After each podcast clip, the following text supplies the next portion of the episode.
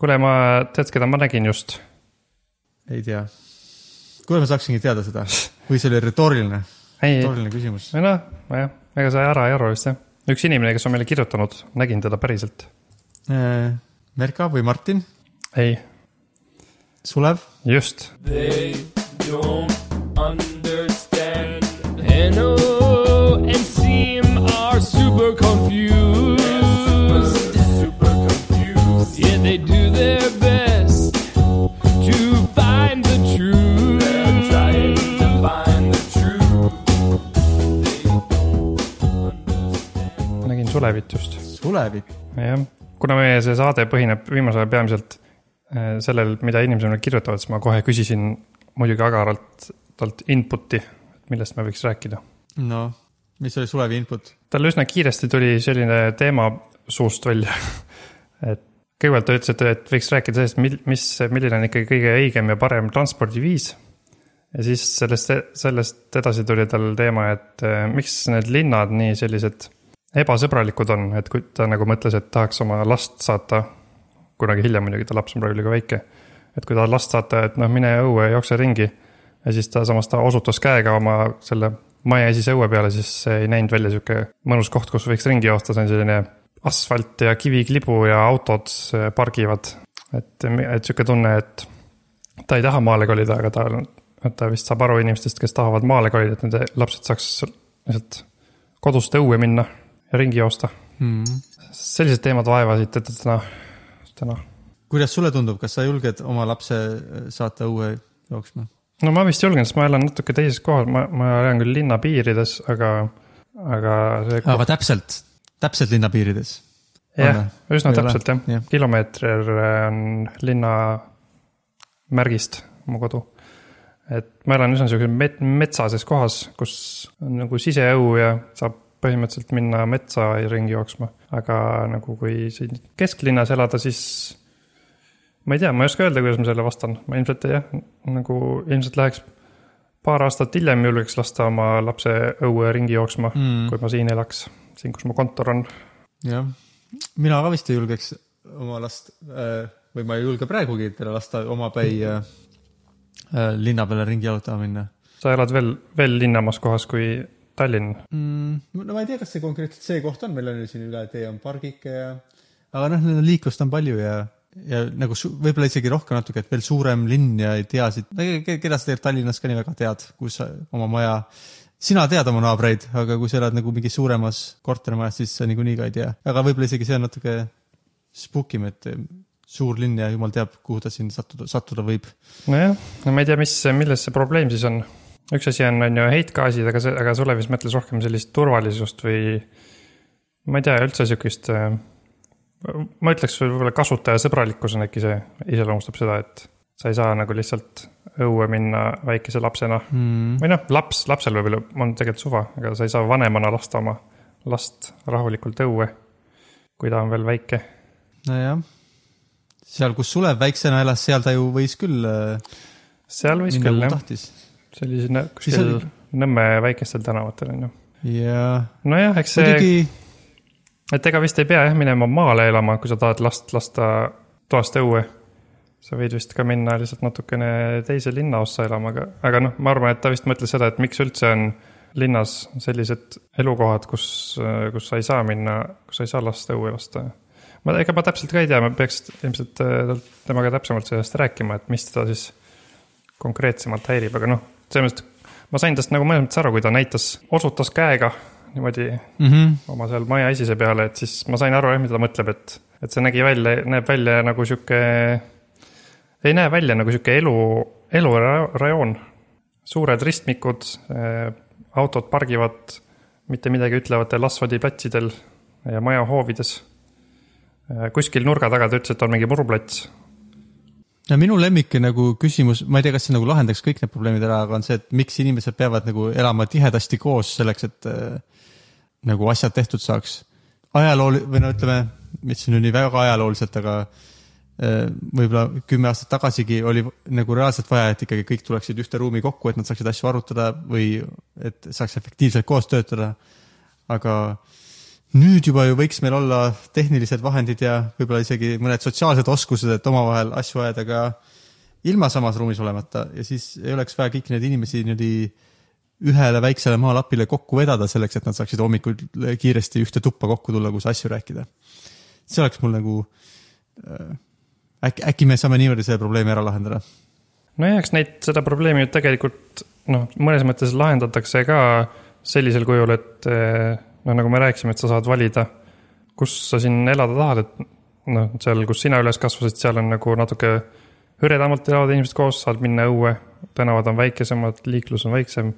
ja siis sealt minu juurest veel linnapiirist lähed paar kilomeetrit välja, siis seal on siuksed uued elamurajoonid, kus on äh, ühesugused, ilmselt hästi säästvad majad on kõik niimoodi suurte hoovidega üksteise kõrval. Äh, mis on võib-olla sihuke klassikalisem Ameerika eeslinna moodi rajoon, kus on vist veel, no põhimõtteliselt põllu peal on ehitatud nagu hunnik maju, kus on veel rahulikum siis, et noh, tegelikult neid lahendusi on, aga, aga miskipärast mingid inimesed tahavad ikka noh, see on ilmselt ju inimeste enda tee ka, et nad on ju nõus elama sihukeses kohas. noh, Sulev ise läks sinna elama kuhu ta läks elama. et. ja tal olid põhjused, eks ju, ta ei läinud sinna sellepärast, et seal on nagu äh, palju asfalti. vaid sellepärast ma oletan, et sealt on lihtne pääseda kohtadesse, kus talle kas meeldib käia või on vaja käia. ilmselt jah mm -hmm.. võib-olla ta siis mõtleb, et, et mõnes mõttes, et miks äh, siuksed kohad veel eksisteerivad või ma ei tea, mis, milles see probleem siis täpselt on no kuna ta alustas juttu sellest, et mis see kõige parem transpordiviis on, siis mulle tundub, et teda ikkagi häirivad, häirib see. ta rääkis natuke, mainis ka mingit sihukest autokeskset äh, eluruumi äkki, et linnad on nii autokesksed. eks mulle ka tundub, et need fossiilkütusega sõitvad autod tunduvad natukene nagu liiga, natuke liiga vanad asjad praeguse kaasaegse, kaasaegsete võimaluste kohta, võimalustega arvestades. Et kui, kui on võimalik juba sõita elektriga ja üldse mitte võib-olla autoga sõita, siis, eh, siis aeg-ajalt ma vaatan jah, neid tossavaid autosid ja, ja on veits sihuke tunne, et mida need, mida need siin ikka veel teevad, no mul endal on ka toss, tossav auto muidugi. see on ikkagi lihtsalt on praktiline, kõige praktilisem vahend, kui sul on vaja erinevates, noh, oleneb linnast, kui oleks väga hea ühistransport, siis ta võib-olla oleks vähem praktiline, aga seni, kui ta on kõige praktilisem vahend, seni inimesed põhimõtteliselt peavad seda kasutama, kui nad ei taha just, kõik inimesed linnas ei taha oma elu raskeks teha mm. -hmm.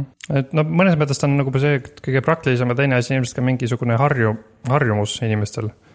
sest et eh, ma usun, et kindlasti paljud inimesed saaks ka noh, kui Sulev ise räägib, et ta käib rattaga tööl, ma ka aeg-ajalt käin rattaga tööl ja kindlasti siin linnas väikeste sõitu tegemiseks on, on ratas ka veel praktilisem asi, mida, mida vist ka rohkem tehakse, aga, aga ma arvan, et see on osalt ka see, et eh, millega sa, millega sa oled lihtsalt harjunud ja millega sulle tundub, et sul on mugav käia kuskil mm..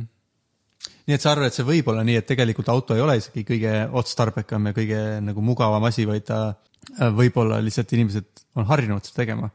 siis ma nagu natuke kahtlustaks, et, et, et inimesed saaksid oma harjumusest mõne ajaga lahti kui ta ei oleks ka reaalselt nagu kõige mugavam. ilmselt see harjumus on raske kaduma, sellepärast et mingi teise vahendiga võib-olla on ebamugavam praegu sõita meil linnas ja siis tõesti võib-olla on kõige praktilisem, et sul on mm -hmm. noh, kui sa lähed, tahad rattaga kuskile minna, siis esiteks kõik on porine. Eh, on tolmune, autod sõidavad sul liiga lähedal, sul on nagu noh, et sul on mõnes mõttes ebamugav sõita, eriti kui sa ei ole harjunud, et ma arvan, et kuna ma olen palju rattaga sõitnud, siis mulle see ei tundu nii ebamugav, aga et noh, praegu rattaga selles keskkonnas, kuhu, mida Sulev millele Sulev viitas oma käega.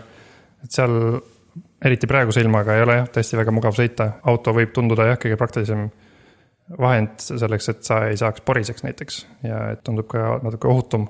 et ühesõnaga pole nagu rattaga, äh, pole linna planeerimisel pole ilmselgelt ju mõeldud rattaga sõitjatele. vähemalt sellist, sellises linnas, äh, mis siin üldiselt meid ümbritseb ja, ja tegelikult isegi, isegi uutel tänavatel ei, siin hiljuti oligi, tehti see, ma ei tea, kas sa oled kursis, Gonsiori tänav äh, renoveeriti ära, mis on kesklinnas mm. -hmm. väga kaua aega võttis, täiesti tehti nagu võeti üles ja pandi uus tee. ja siis oleks ju loogiline, et siis saab planeerida, et äh, jalakäijatel ja jalgratastel oleks seal ka hästi mugav sõita, aga seda põhimõtteliselt ei tehtud.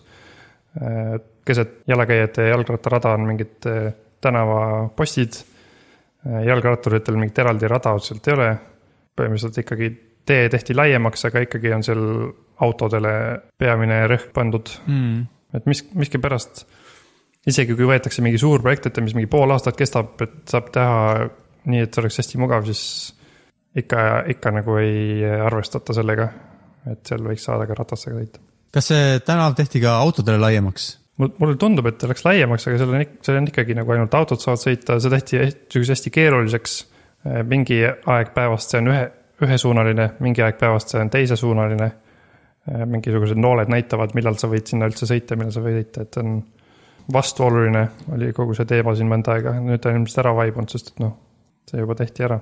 selle la- laiuse kohta ma küsin, sest mul tuli meelde sihuke huvitav äh, tähelepanek, et, et inimesed valivad oma sõidukiirust vist äh, täna teedel mitte selle järgi, et mis, no muidugi, eks vaatavad, kindlasti vaatavad inimesed ka liiklusmärke, aga et äh, põhim-, põhimõtteliselt rohkem selle järgi, et kui lai või kui vabalt nad ennast seal tunda, tunnevad, et kui teha tänav laiemaks, siis autod hakkavad seal kiiremini sõitma ja ja kui on kitsas tänav, kus nad peavad rohkem tähelepanu pöörama, siis nad sõidavad nagu loomulikult aeglasemalt. Mm -hmm. et kui seal jalgratturid veel ka kõrval on, et siis kui teha näiteks äh, autotee laiemaks, siis on jalgratturitel läheb teoreetiliselt ohtlikumaks, sest et äh, autod sõidavad nendel kõrval suurema kiirusega. see on jah sihuke linna planeerimises vist teada asi, et kui on esiteks see tänava laius, teine asi on see, et kui see tänav on eh, nagu sirge, see on ka vist eh, lisab seda kiirust, et Mm. mingid näited on olnud, kus tänavad tehakse meelega sellised natuke käänulised võib-olla, et kus on mingid jalakäijate pingid vahepeal ja noh, sellised asjad, siis autojuhid lihtsalt loomulikult sõidavad aeglasemalt, kui seal on mingid, ei ole nagu sirge lai tee, kus sa saad eh, vabalt eh, kiirendada Mm, ja, kui sa siuksel sirgel teel paned kiirusepiirangu, siis äh, lihtsalt kas kõik, kes eiravad seda piirangut mm. mm. -hmm. või siis mõned ei eira ja teised eiravad ja siis need, kes ei eira, jäävad teistele ette ja tekitavad omakorda liiklusprobleeme, isegi õnnetusi ja nii. see on sihuke huvitav asi, mille noh, ma saan aru, sa olid, sa olid ka sedasama kuulnud, võib-olla siis kõik teavad seda, aga ma, mulle tundus põnev. Mm -hmm. ja see vist ka veel lisaks, et kui rääkida veel, mis tundub sihuke ebaloogiline asi, aga et kui näiteks ristmikel valgusfoore ära võtta, siis see teeb ka liikluse aeglasemaks, sest inimesed siis peavad lihtsalt, peavad rohkem tähelepanu pöörama, vaatama, kust keegi tuleb, ei saa nagu lihtsalt vaadata, mis värvi tuli on ja selle järgi otsustada, kui kiiresti sõidad. aga jah, ma, ma olen suhteliselt võhik sel teemal, ma lihtsalt tean midagi, mis mul on meelde jäänud. muidugi nüüd tagasi tulla selle juurde, miks, miks see tänav selline tehti, siis näiteks see transpordiameti mees ise ütles, et eh, mis see kuulus asi oli, mida ütles? et, et ta nägi täna vist ainult kahte inimest linnas jalgrattaga ja sellepärast ta ka selle peale üldse ei mõelnud, et peamiselt ikkagi linnas keegi ei sõida rattaga ja peamiselt sõidetakse autodega. et tundub, et see sihuke üldine nagu arusaam nendel inimestel, kes neid asju praegu juhivad, on üsna vist sellised, ma ütleks, vanamoodsad või endast lähtuvad või eks neil on ka õigus, eks ju, see, et võib-olla ta oligi kaks jalgratast, mis on iseenesest, ma ütleksin ka, et kaks jalgratast on tegelikult päris hea, et äh, ma arvan, mõned arvud aastaid tagasi tõenäoliselt ei oleks ühtegi inimest näinud, kes julgeks rattaga sõita. no ütleme kümme aastat tagasi võib-olla mm. mm. -hmm. -hmm. et, et vähemalt on, ta nägi vähemalt kahte, isegi hea. Aga jah, et on vaja sihukest poliitilist tahet vist, et äh, keegi peab tahtma, et inimesed sõidaks rohkem rattaga ja siis mm. see, seda peab, kui sellist visiooni kellelgi ei ole, siis tehakse jah, muidugi teed ju nende jaoks, kes seal praegu sõidavad. kui keegi ei tule ütlema, et ei, me tahame seda muuta. mõnes mõttes nagu meeleavaldused ju toimuvad, et iga, iga aasta on mitu korda see Tour de kus hunnik rattureid sõidab mööda linna. ma kindlasti olen seda näinud, et siuksed asjad toimuvad. Kindlasti inimesed, kes nagu, eriti inimesed, kes tegelevad linna planeerimisega, linna ümberehitamisega, võiks olla kursis, vähemalt siis võiks ennast viia kurssi sellega, et kellega võiks arvestada, et mulle tundub, et kui tema sellega tegeles, vähemalt sihuke mulje on küll, et ta nagu, ta käib hobuse silmaklappidega ringi ja mõtleb lihtsalt selle peale, et kuidas asju on vanasti tehtud või kuidas talle, talle endale tundub, et võiks asju teha. noh, mulle tundub, et ta on, et see on natuke ju tema kohustus ka olla kursis sellega, et mis, millised, millised on viimase aja trendid, kuidas need, kes seal hakkavad liiklema, kuidas oleks kõige turvalisem, noh näiteks jalakäijate poole pealt ka, et seal on, seal tänaval on ka sellised hoovidest väljasõidukohad, mis on noh, nii jalgratturite kui jalakäijate jaoks ju ohtlikud, sest autojuhid ei näe, kes sealt tulevad ja need mingit varianti pole, sa pead lihtsalt hästi vaikselt hakkama hoovist välja sõitma, vaikselt, kui sa oled ettevaatlik autojuht. ja lootma, et keegi otseselt kohe ei tule nurga tagant välja või et keegi näeb su auto nina. et sellised kohad jäid ka sinna täiesti alla, sest nendega nagu ei, ei muudetud midagi, et üldiselt nagu ei muutunud midagi vist paremaks peale selle, et võib-olla asfalt on tervem.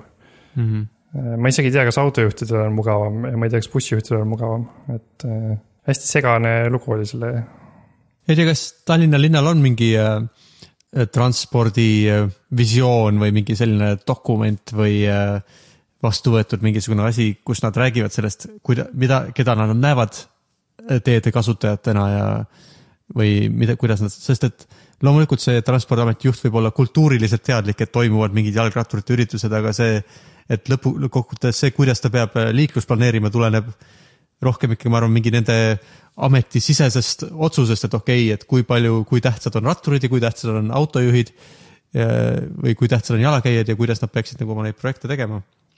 sest ega lihtsalt selle alusel, et oo, et ma olen kuulnud, et paljudele inimestele praegu meeldib rattaga sõita, selle alusel ta ei saa ka väga palju rattateid teha, tal on vaja ikkagi ju siis faktiliselt vaja teada, et okei okay,, kui me teeme nii palju rohkem rattateid, siis kui palju inimesed hakkavad rohkem rattaga sõitma ja kas see on seda väärt, et ta et nagu naiivne lootus oleks mul, et nad on seda kõike kaalunud ja lihtsalt otsustanud, et rattad ei ole seda väärt, millest on kahju ja võib-olla see on vale otsus. aga teine variant on, et nad ei ole seda üldse kaalunudki.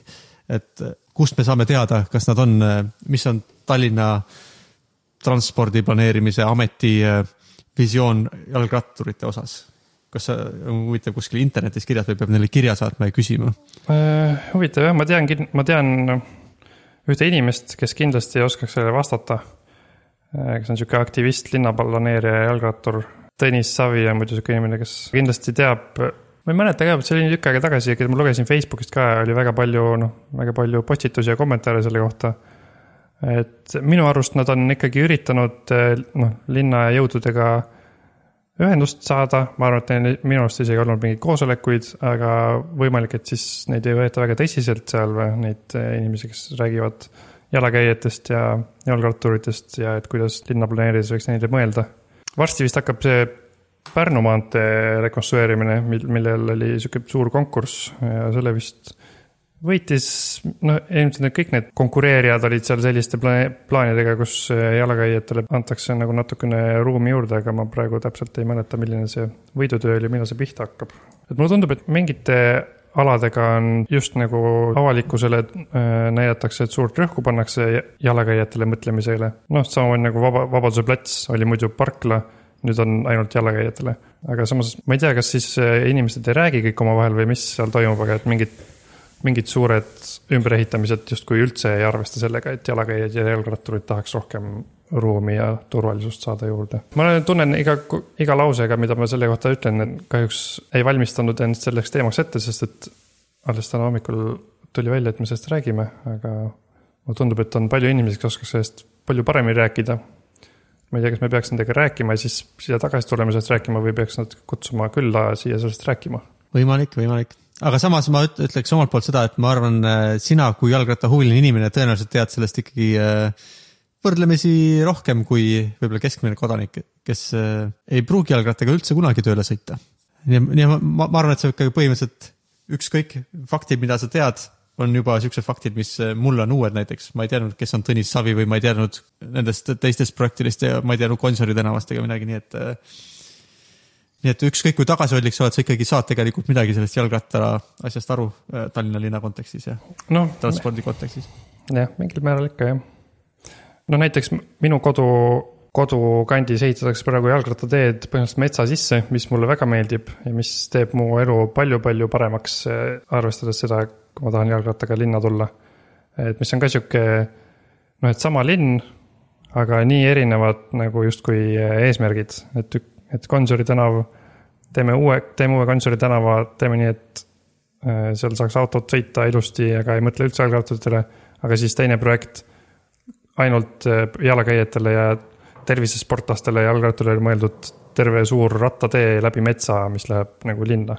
võiks olla kõik, kõik projektid võiks olla sihukese nagu sama visiooniga või sama, samade põhimõtetega, et tundub, et nad on kuidagi sihuke killustunud.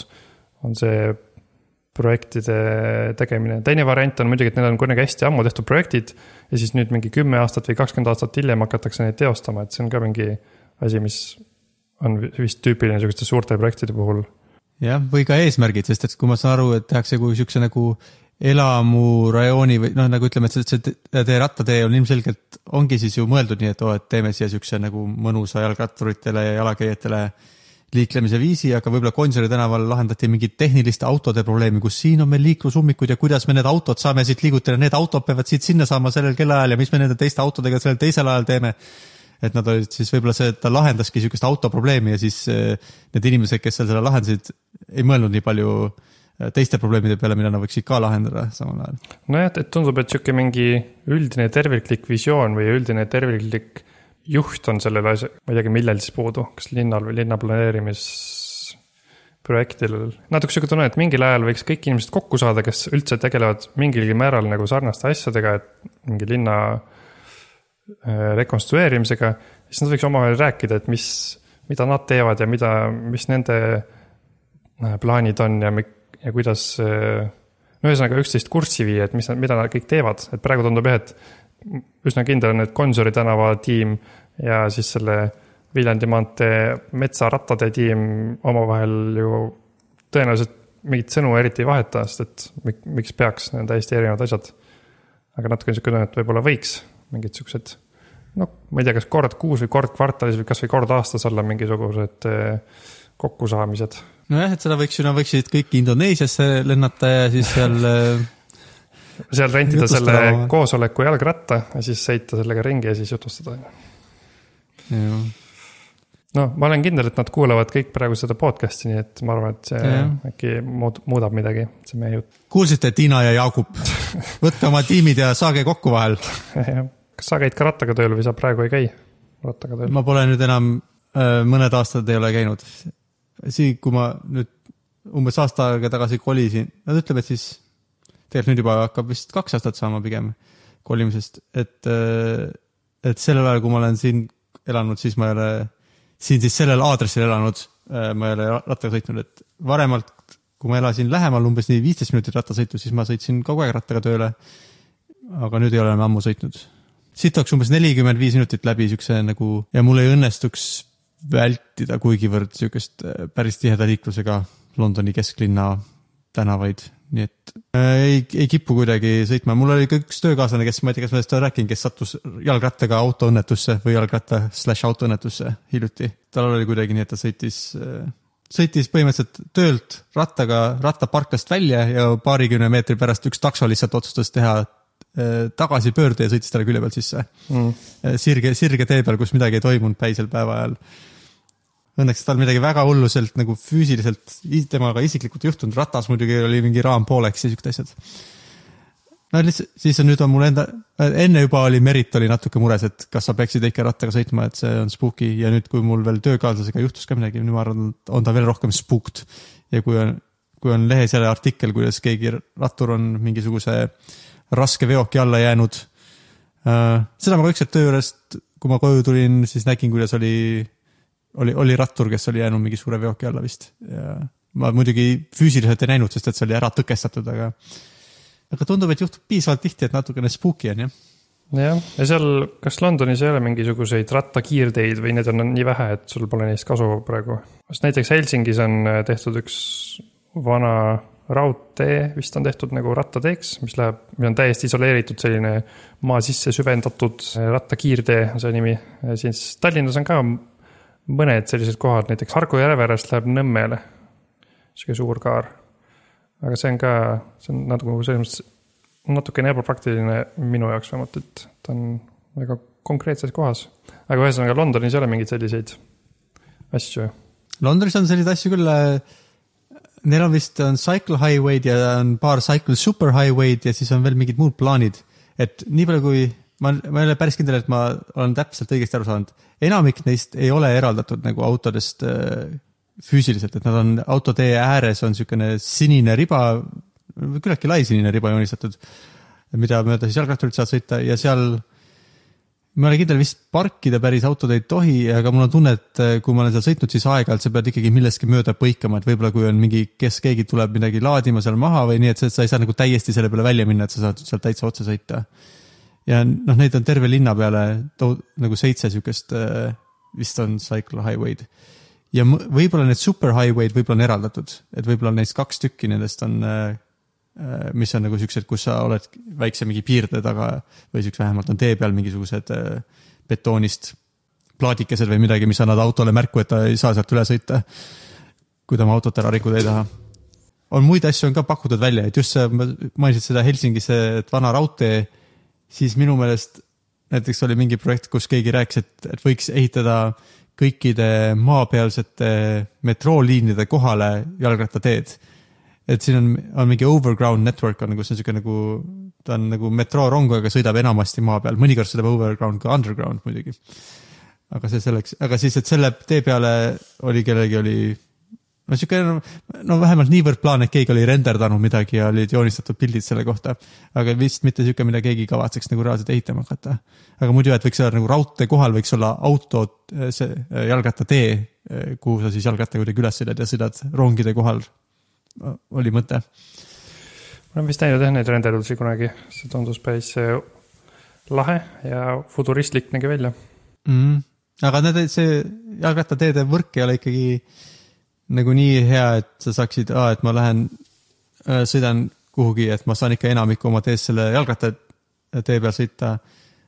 seda nagu ei ole, et ikkagi enamasti nad lähevad nagu risti-rästi teatud kohtadest läbi linna ja kui sul veab ja sa satud, et sa saad mööda seda sõita, siis tore, aga mul, minul praegu ei õnnestuks, et mul võib-olla minu töölesõidu marsruudist oleks mõned lõigud ainult, kus ma saaksin mööda sihukest teed sõita. aga muidugi jalgrattureid on Londonis palju, et selles mõttes, et äh, vähemalt kui ma sõitsin tööle rattaga, siis mul oli ikkagi iga foori taga, kus ma seisma jäin, oli mul kõrval veel mingi kümme-teist jalgratturit kogu aeg, et see oli sihuke, et hommikul sihuke tööle sõitmine ja koju sõitmine rattaga üsnagi tavaline. ma olen ka tähele pannud, jah, ma ka vist paar korda olen rendirattaga seal sõitnud ja see on päris harjumatu jah, et lähed, jääd Fordidega seisma ja siis sinna kuh- kuhjub neid jalgrattureid veel seisma mm. -hmm. tore, lausa paljude Ford ees on niisugune, on äh, eraldi ala, mis on märgitud, et siin nagu on jalgratturid peatuvad. et, et kuhu autod ei tohiks nagu sõita, enamasti ei sõida ka, et siis nagu sinna kogunevad jalgratturid ja mm. -hmm. äh, Ja, kui, Tallinnas on ka vist kaks sihukest kohta, vähemalt minu teada, aga need, see värv kulub maha ja siis need kaovad ära lihtsalt mingi ajaga. mm, see on hea, kui sa oma rattaga sõitsin, oli ikkagi tore, kuidas seal autod kõik sõidavad ja sõidad uhke näoga neist mööda ja keerad neile otsa sinna foori ette ja kellelgi ei ole midagi kobiseda, seal on sinu koht, see on maha joonistatud. jah, nojah, ma olen, ma ise olen nii palju jalgrattaga sõitnud, et ma olen nii julgeks saanud siin, ma ei tea, kas on hea või mitte, et ma, ma teen põhimõtteliselt selliseid asju isegi siis, kui neid kohti ei ole, et sõidan sinna raja peale, kuhu ma tahan minna ja siis vahetan rada, kui mul on vaja vahetada. aga paar korda ikkagi on nii ka, kus autod lasevad signaali, vist ilmselt tahavad mulle öelda, et kuule, sa ei peaks sõitma autoteel. et mm. Mm. on siukseid hetki, aga üldiselt on ikkagi mul, võib-olla see on nii vähe autotee peal, aga mulle tundub, et Tallinnas on üsna mõistlikud autojuhid. aga, aga nojah, kui üks autojuht on äh, täielik äh, jobu, siis ilmselt rikub isegi nagu selle üldise mõistlikkuse maine mõndade jaoks ära. nojah, ja seda ma mäletan ka ikka, ma tegin ka, kui mul oli vaja kuhugi minna, siis ma võt-, võtan sinna ratta ja ma blokeerin selle suvalt ära, sest et mul on vaja seal olla ja see, et sina auto ei tähenda, selles mõttes, kui auto tahaks sealtsamas pöörata, siis ta blokeeriks ka selle raja ära. ja see, et mina rattaga sõidan, ei tähenda, et mul ei oleks seda õigust, aga ka autojuhid aeg-ajalt olid selle üle erutunud ja väljendasid oma pahameelt minu käitumise üle. mul oli konkreetselt iga, iga, iga kord, kui ma koju sõitsin, oli mul üks sihuke koht, kus äh, noh, Londonis teine, teise suuna liikuvus oli parempööre, aga Eesti mõttes siis nagu vasakpööre, kus mul oli vaja läbi nagu vastu tulevate autode sõita, parki keerata ja see oli sihuke suure tee peal ja alguses ma nagu proovisin ja ma võtsin võimalikult parema säärde, nii et nagu, nii et, et must saaksid autod siis vasakult ka mööda sõita sellest rajast. Aga lõpuks ma lihtsalt lõpetasin selle tegemise ära, sest see oli, see oli põhimõtteliselt kogu mu selle teekonna kõige hirmsam koht oli see, et nad tulevad sealt tihe autovool üle silla mu selja tagant. piisab põhimõtteliselt ühest autost, kes, ma ei tea, vahetab raadiokanalit või võtab telefonikõne vastu, et ta ei märka, et ma olen seal nagu võrdlemisi paremal ääres ootamas oma parempööret et mul, siis ma hakkasin lihtsalt, et ma seis, seisin seal raja keskel ja blokeerisin selle terve selle silla liikluse ära seni, kuni ma saan oma sinna parempöörde teha, sest siis, siis, siis nad ei saa must mööda sõita ja ma ei pea muretsema, et üks nendest autodest kavatseb äh, äh, mulle lõpuks sisse sõita mm. -hmm. ma, ma ei tea, kui kena see must on, aga vähemalt äh, see oli, kuidas ma sain seda ohutult teha. ja see, jah, arusaadav, see, ma, kui sa mainisid, et piisab sellest, kui keegi vaatab oma telefoni korraks, siis mul just tuli meelde, kuidas ma üleeile sõitsin autoga ja siis võib-olla see ei ole kõige ohutum asi, mida ma tegin, aga ma vaatasin ühte teist autojuhti, kes eh, sõitis autoga mööda sihukest kolmerealist Pärnu maanteed ja nii palju, kui ma vaatasin, siis ta ei vaadanud tee peale, ta vaatas oma telefoni, mis tal oli rooli keskel eh, ja ta tegi seal sellega midagi, oli päris hirmus vaadata ma us-, ma usun, et ma olen kindlasti ka äh, vaadanud äh, mingit sõnumit oma telefonis, kui ma ei seisa autoga. aga mulle tundus see natuke nagu next level, et ta, ma ei näinud, et ta vaataks teed, see oli päris jube. vaatas, vaatas Youtube'i või? ma arvan, et ta kirjutas ka kellegagi sõnumeid, ma, mul oli sihuke mulje. ta trükkis vist midagi seal parasjagu. okei okay.. see äh, Uberi autojuht, kes äh, ise, isesõitva autojuht vaatas vist konkreetselt väidetavalt mingit videot või? muidugi see oli isesõitev auto ja ta oli seal nagu turvajuht, siis ma saan aru, kuidas, siis sul on rohkem sihuke tunne, et ma ei, mul ei olegi siin ju tegelikult midagi teha, ma vaatan videot. aga, aga põhimõtteliselt niimoodi juriidilises mõttes ta võib-olla oli selle auto juht sellel hetkel ja siis ta reaalselt sõitiski ringi ja vaatas videot samal ajal autojuhina. see on päris fun. ma praegu siin guugeldasin kiiresti, sain, leidsin sihukese pealkirja uudise, et Gonsiori tänav sai ekspertidelt kakskümmend muudatusettepanekut.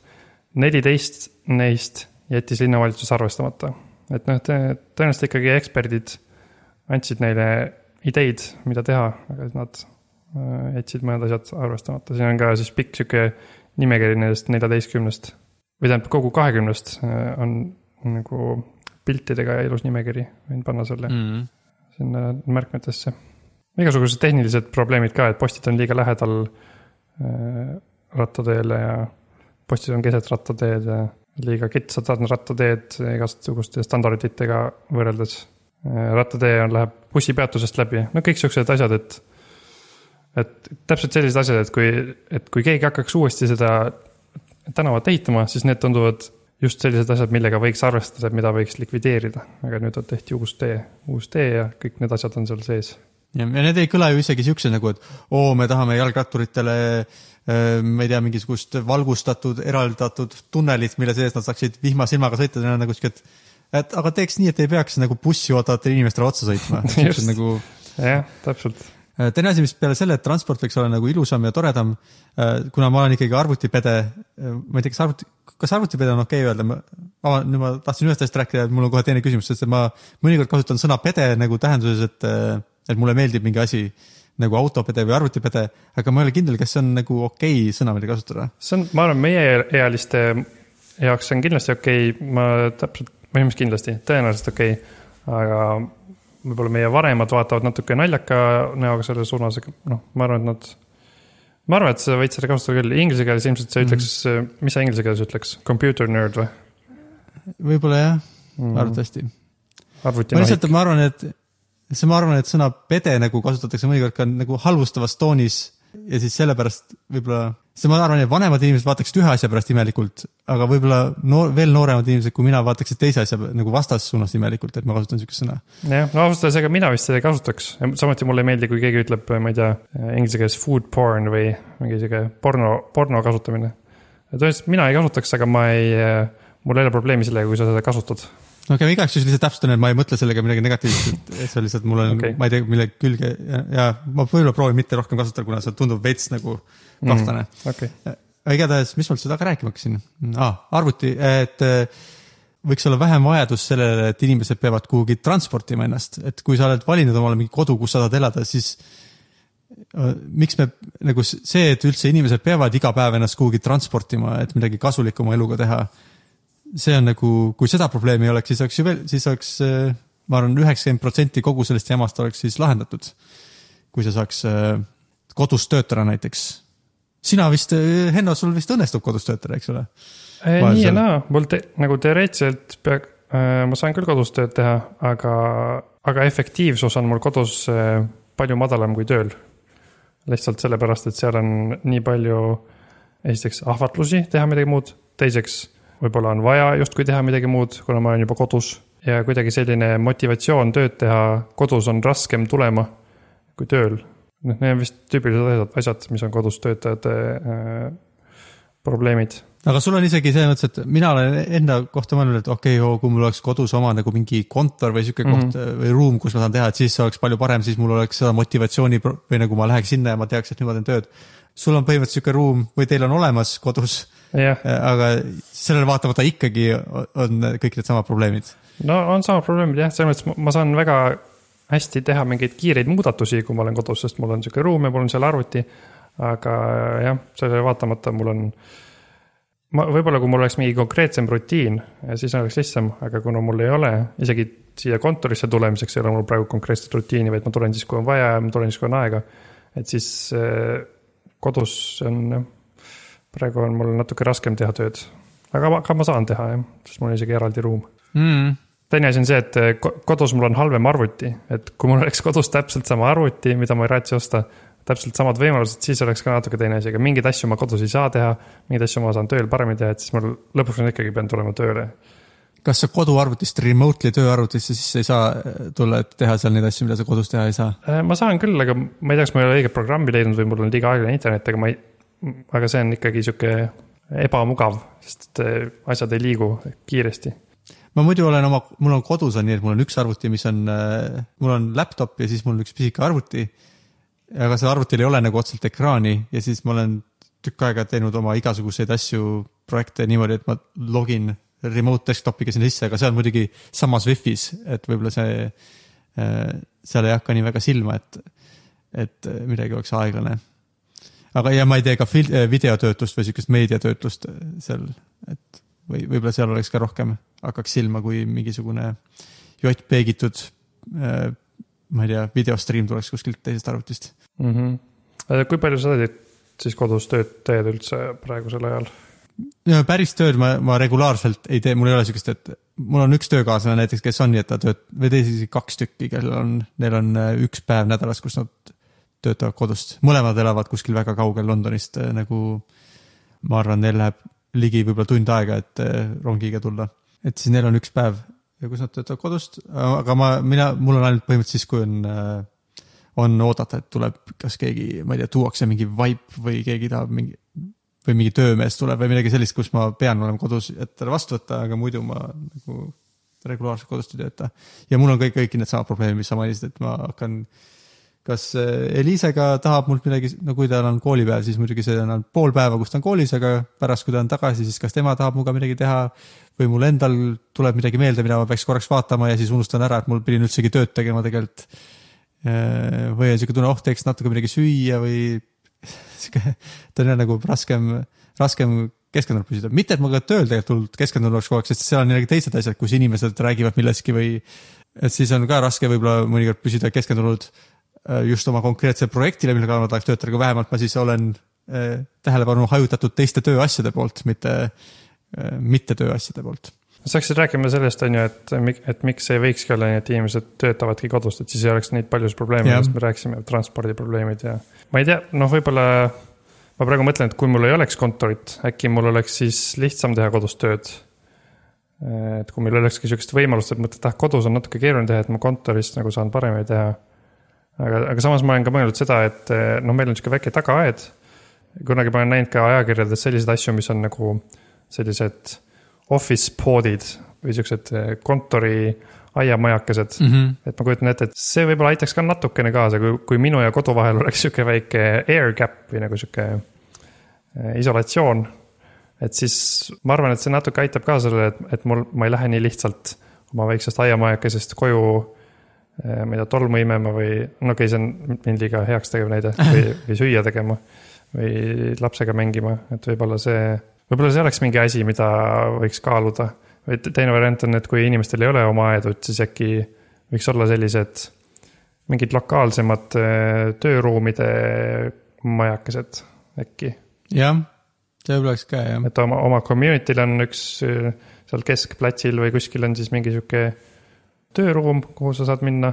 aga see on näiteks ainult eh, mõneminutilise jalutuskäigu kaugusel su kodust. ma arvan, et see oleks juba suht see tõenäoliselt lahendaks selle asja ära, et sa, et sul pole motivatsiooni tööd teha, sest et sa oled kodule nii lähedal. ja ma arvan, et suur asi on lihtsalt see, et ükskõik, kus mina kodus tööd teen, see on seesama koht, kus ma kodus niisama hängin ka mm, -hmm. ja siis mul juba, mul ei ole sihukest tunnetki, et ma olen nagu. ma oletan, et sa teed seal oma tööruumis ka muid asju mõnikord või see ongi sul, et kui sa läheksid sinna tuppa ainult selleks, et teha tööd ja sa teaksid, et nüüd ma olen tööl ja teised inimesed teaksid, et nad ei peaks sind seal segama ja, või siis äh, teil on nagu kokku lepitud, et siis, siis võib-olla aitaks ka natukene, aga see sihuke community tööruum tundub ka eriti hea jah, et siis ei ole ka siukse probleemi, et kas sul on piisavalt hea mingi internetiühendus, et videokonverentsi teha või. Äh, või ma ei tea, sul on vaja mingit äh, siukest kontori asja, mida, no ma ei tea, mingid printerid või faksimasinad, mida võib kellelgi, kellel läheb faksimasinat vaja. või, või ma ei tea, tööpostkast või no mingid siuksed nagu, mis seotud siukse nagu mida töö tegemiseks võib mõnikord vaja minna, aga koju oleks tüütu nagu kõigil inimestel varuda. see tundub jah cool. mulle tundub jah see, ma pole selle varem mõelnud, aga praegu, kui noh, me rääkisime siin ka enne, et paar kilomeetrit linnast väljast on sihuke, kuidas öelda, ruumikam põldudele ehitatud majade rajoon, et võib-olla võikski tulevikus olla ka nii, et sellisele rajoonile planeeritakse ka mingi sihuke ühine tööruu-, töömaja, tööruumide maja mm. sest et noh mulle tundub, et see vajadus selle vastu on vist aina suurem. muidugi võib-olla kuidagi võiks äkki saada enne teada, kas, kas sinna rajooni elama tulevatel inimestel on sihukest asja vaja või mitte.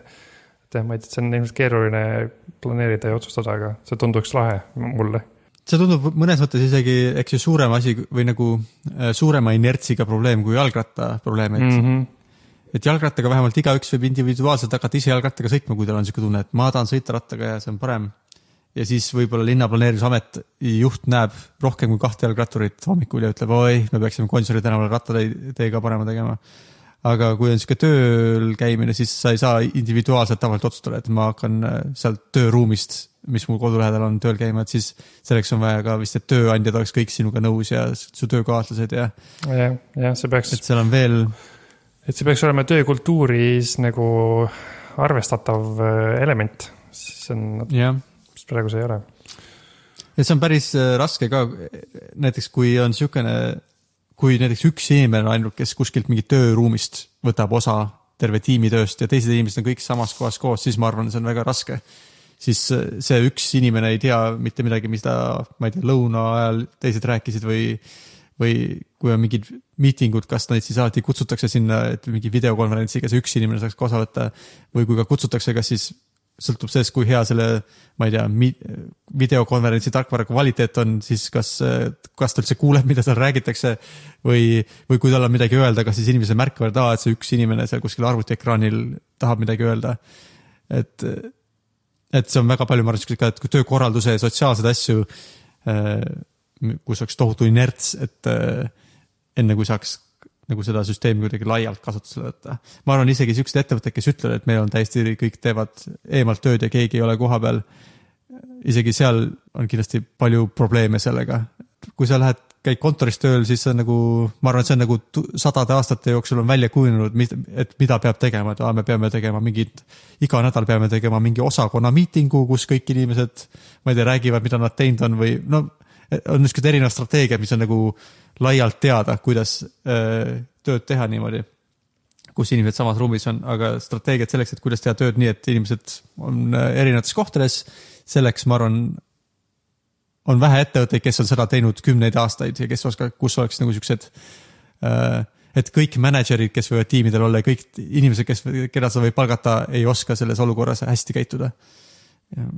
Ma ei tea, kui palju vaeva on vaja selleks, et jõuda sinnani, kus ja kas üldse on võimalik, et äh, see niisugune eemalt töötamine sama hästi töötab, ma nagu loodaks optimistlikult ja arvaks, et miks ta ei peaks olema võimalik, aga samas ta ei pruugi. huvitav on mõelda küll, et kuidas, milline oleks liiklus siis, et kas siis sõidaks ainult ringi transpordi, kaubaveoautod. üks asi, mis ma olen hiljuti uudist näinud ka, et äh, kõik need Uberid ja Lyftid, et ma täpselt ei mäleta, mis, aga uudistes on olnud, et need ei ole nagu midagi otseselt paremaks teinud et vist isegi on rohkem autosid nüüd linnades, kuna Uberid ja Lyftid sõidutavad üksikuid inimesi eh, ringi ja need on nüüd nii lihtne endale järgi tellida. mis on ka huvitav, ma ei oleks arvanud vist, et see teeb nagu halvemaks midagi. no liiklust võib-olla jah, rohkem võib-olla, aga ma arvan samas nagu see, et ka kui lihtne sul on saada ühest kohast teise, see selles mõttes, et inimestel on ikkagi, ma arvan, paremaks läinud. inimestele kindlasti on mugavam jah, ma usun küll. transpordiprobleem inimese jaoks on sujuvam, aga transpordil probleem võib-olla planeerijate jaoks on keerulisem mm.. mm. -hmm. ja me peame vist hakkama nüüd lõpetama ka, mul on siin äh, salvestuse taimer tiksub kohe tunni aja peale ah,. tahtsin küsida, kas sa seda eelmise osa viimase äh, teema kohta lugesid ka neid äh, teadus, teadusartikleid? Ma proovisin natuke lugeda, nagu ma lugesin oli ilmselgelt diagonaalid, sest et ma ei tea, nii palju, kui ma teadusartikleid lugenud, siis mulle tundub, et neid peab alati hästi mitu korda lugema, et kõigepealt loed selle nagu abstrakti läbi ja siis proovid nagu pealkirjasid või nagu aru saada, milles see nagu üldse on ja siis sest et proovida kohe alguses hakata lugema ja siis tulevad sul, sul mingisugused bias'i reegli järgi, kuidas ta otsustab, et eh, missugused asjad, mul, mul oli, äh, mul oli sama kogemus, et ma lugesin abstrakti läbi ja siis intro oli ka veel okei okay,, aga siis tulid need äh, reeglid ja mingid loogikavalemid vist, mis juba viskasid mu natukene rivist välja, et siis ma ei, ei jätkanud seda lugemist. Neid ma suure, neid ma suures osas ignoreerisin, ma nagu vaatasin, okei okay,, ta ütleb, et siin on, ma, ma nii palju saan nendest aru, et ma saan nagu väga laias laastus, okei okay,, siin, et ühe asja tõenäosus, juhul kui teine asi on juba tõene, okei okay,, ta räägib midagi seal, kuidas asjade tõenäosus omavahel seotud on. mul ei ole vaja täpselt aru saada, mida ta sellega väljendada tahab. sest selles sõnades nad proovivad seda ka väljendada tihtilugu, et mis see nagu intuitsioon on või aga lõppkokkuvõttes mulle tundub ikkagi, et ma, et see, mida ta räägib selles TED Talkis, kes see siis on, see on äh, Donald Hoffman oli ta nimi. Donald Hoffmanist räägime jah, kes äh, räägib sellest, et et ta arvab, et evolutsioon ei eelista organisme, kes näevad reaalsust ja ta arvab, et inimesed ei näe üldse reaalsust, vaid hoopis äh, konstrueeritud kasutajaliidest. nii, mis sa tahtsid öelda? jah, et selles mõttes, et rangelt võttes, mis ta ütleb, on tõsi ja selles mõttes, et tema see teadustöö toetab seda, kui sa nagu rangelt kuulad seda, mis see pealkiri on, aga absoluutselt, kui sa, kui vaadata minu meelest seda tema TED Talki või seda, kuidas inimesed saaksid sellest aru, siis minu meelest see ei ole nagu põhjendatud minu pooletunnise lugemise tulemusena. selles mõttes, et ta ütleb, eks ju, et, et ei näe reaalsust, vaid näeb konstrueeritud mingit asja, aga samas see asi, mida ta konstrueerib oma teadustöös, on ab- absoluutselt otseselt reaalsusest tulenev, see ei ole mingisugune kui ta räägib oma sellest TED Talkis midagi, et võib-olla see kogu see füüsika on mingi kasutajaliides, et sel, seda ei toeta absoluutselt mitte, tal on seal mingi näide sellest, kuidas mingid äh, söömis, et äh, mingid agendid, kes ütleme, elusolendid, keda ta evolutsiooniliselt simuleerib, kes kas leiavad süüa või juua mingitest kohtadest ja otsustavad millegi alusel, kuhu nad lähevad. et see kõik toimub siiski nagu selle reaalsuse alusel, mis on selle, see, et kui palju on süüa või juua, lihtsalt küsimus on selles, et kui palju seda infot nad näevad ja ta võrdleb siis seda nagu siukseid elusolendeid, kes, kes näevad siukest abstrakt nagu kokku võetud infot, et nad kas ainult näevad, kas on piisavalt või on liiga vähe ja näevad ja ainult ühte, nad joogi kohta ei näe, aga ainult sööki näevad, et see on mingi sihuke, see on see tema mudel sellest, et kes ei näe reaalsust, on selline, kes näeb absoluutselt õigesti, aga lihtsustatud infot, lihtsalt, et kas on, kas söök on roheline või punane, on ai- ainuke asi, mida see näeb ja see on see, mida ta nimetab, et ta ei näe reaalsust ja see, kes näeb reaalsust, näeb, kui palju süüa on ja kui palju juua on ja saab selle alusel otsustada. aga siis selle, et ilmselgelt ja absoluutselt tema ei väeta sellele midagi vastu, palju efektiivsem on see, kes näeb, kui palju süüa ja juua on ja saab alati adekvaatse otsuse vastu võtta, mitte ainult, kes ei näe osa infot. aga siis ta äh, lisab oma teadustöös siukse sellise asja, et kuna äh, see, kes näeb kogu toidu ja joogi kogust, see on ju keerulisem, siis teeme nii, et tema saab teisena valida, kuhu ta läheb, et esimesena valib see lihtsam. ja siis loo-, ja siis, ja siis ta näitab ja veel lisaks ja sellest veel ei piisa, et see lihtsam strateegia võidaks. lisaks on tal veel vaja ka otsustada, et selleks, et, et mitu bitti infot sa, sa siis kokku saad, et see veel võtab lisaks su nagu toidu ja joogi energiat vähemaks, nii et äh, no mis on nagu, seal on mingi selles intuitsiooni, see intuitsioon on ju iseenesest ei ole nagu jah, kui sa pead rohkem infot ütlema, see võtab kauem aega. ja kui sul on rohkem infot, mis sul peab olema, siis võib-olla sellele kulub lisaenergiat ka. aga ta on nagu nii üks-üheselt see minu meelest see, et see lihtsam algoritm saab valida esimesena, see on nagu tohutu eelis. sest tema valib esimesena omale, kuhu ta läheb ja see teine, see tõepõhine algoritm ei saa enam seda sama kohta valida, ta peab mingi teise koha valima. nii et see on esiteks suur eelis ja teiseks ta seal see, et kui palju, kui palju siis energiat kulub selleks, et, et äh, näha neli bitti infot äh,. see, ma, no meie, meie, meie ajud on neuroneid täis, kus on mingid miljardid neuronid ja ma arvan, me ei, meil ei ole probleem see, et me eh, näeme toidu kohta, kui palju seda on ka, mitte ainult seda, kas toitu on või ei ole. et see ei tundu nagu mingi energia, energiakulukas tegevus. et ei tundu, et see see, et sellepärast meil läheb kauem aega, et me peame mõtlema, et kui palju seda toitu seal on ju. Mm, et kui meil oleks siin üks inimene, kes näeks ainult toit, ei ole toit versus meie, kes näeme nagu toitu kogust ja kuju ka, et siis tema alati esimesena saaks selle toidu ära ha haarata meie eest, ma arvan, see sellepärast, et ta ei pidanud aru saama, kas see on vorst või juust. et see tundub nagu, et võib-olla see on tõsi mingisuguste väga väikeste putukate või ainu, üheraksete organismide jaoks, aga kui sul, me saame omale lubada sellise suurusega aju, nagu meil on, või siis see ei tundu enam nagu mingi küsimus. Aga kas tal ei olnud seal, kas, kas tal ei võinud niimoodi olla, et need, kes näevad lihtsamalt, et need on, et need on ka juba fit imad või? nad on ikkagi ka võrdsed omavahel, kõik need äh, jõudlused? Äh, fit imad ainult siis, kui nad saavad esimesena valida ja kui see, et sul on rohkem infot, sa pead selle eest võtma Mm. pärast omal punkte maha. ja tal on okay, siin okei, punkte maha võtma, selge. ainu, ainu, ainult sel juhul on nad fit imad.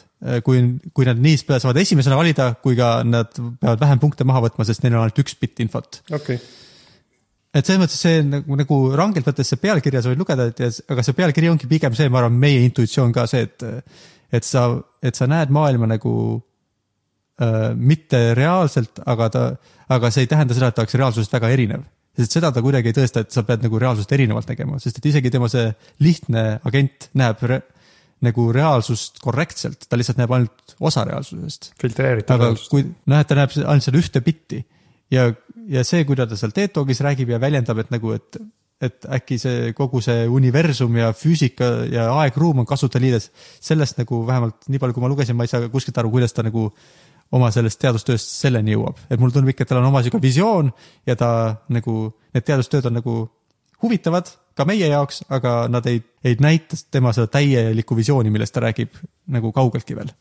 Et selleni oleks tal veel vaja tunduvalt rohkem tõestada, enne kui ta võiks väi, nagu väita, et ta on teaduslikult tõestanud oma see visiooni, millest ta TED Talkis räägib. okei okay,, no selge, mul on hea meel, et sa võtsid selle artikli mu jaoks kokku. nüüd ma ei pea seda üritama lugeda. mm. -hmm. aga keegi teine, kui keegi tahab veel lugeda, siis ma ei tea, kas me vist seda artiklit ei ole linkidesse pannud, et, et võib-olla äh, võib seda ka teha, et, et, sest ma lugesin ainult pool tundi, võib-olla mina sain jällegi ka valesti aru, võib-olla ma ikkagi tegin liiga äh, Donaldile. mm.. no paneme need lingid sinna, mingi kaks artiklit vist oli veel muidugi, mida me, mina vähemalt ei lugenud, millest ta, millele ta viitas, võib-olla need kõik seovad need asjad terviklikuks kokku ja siis on kõik selge. võib-olla küll, jah. okei okay., no aga hästi, siis äh, lõpetame selle koosoleku ära. jah, aitab küll, jah. vaata, kui hästi me saime koosolekut pidada, me oleme väga kaugel üksteisest, aga, aga see töötab väga hästi. su hääl on selge no kas sa ei tea, kui hästi see oleks töötanud, kui me oleks samas ruumis olnud?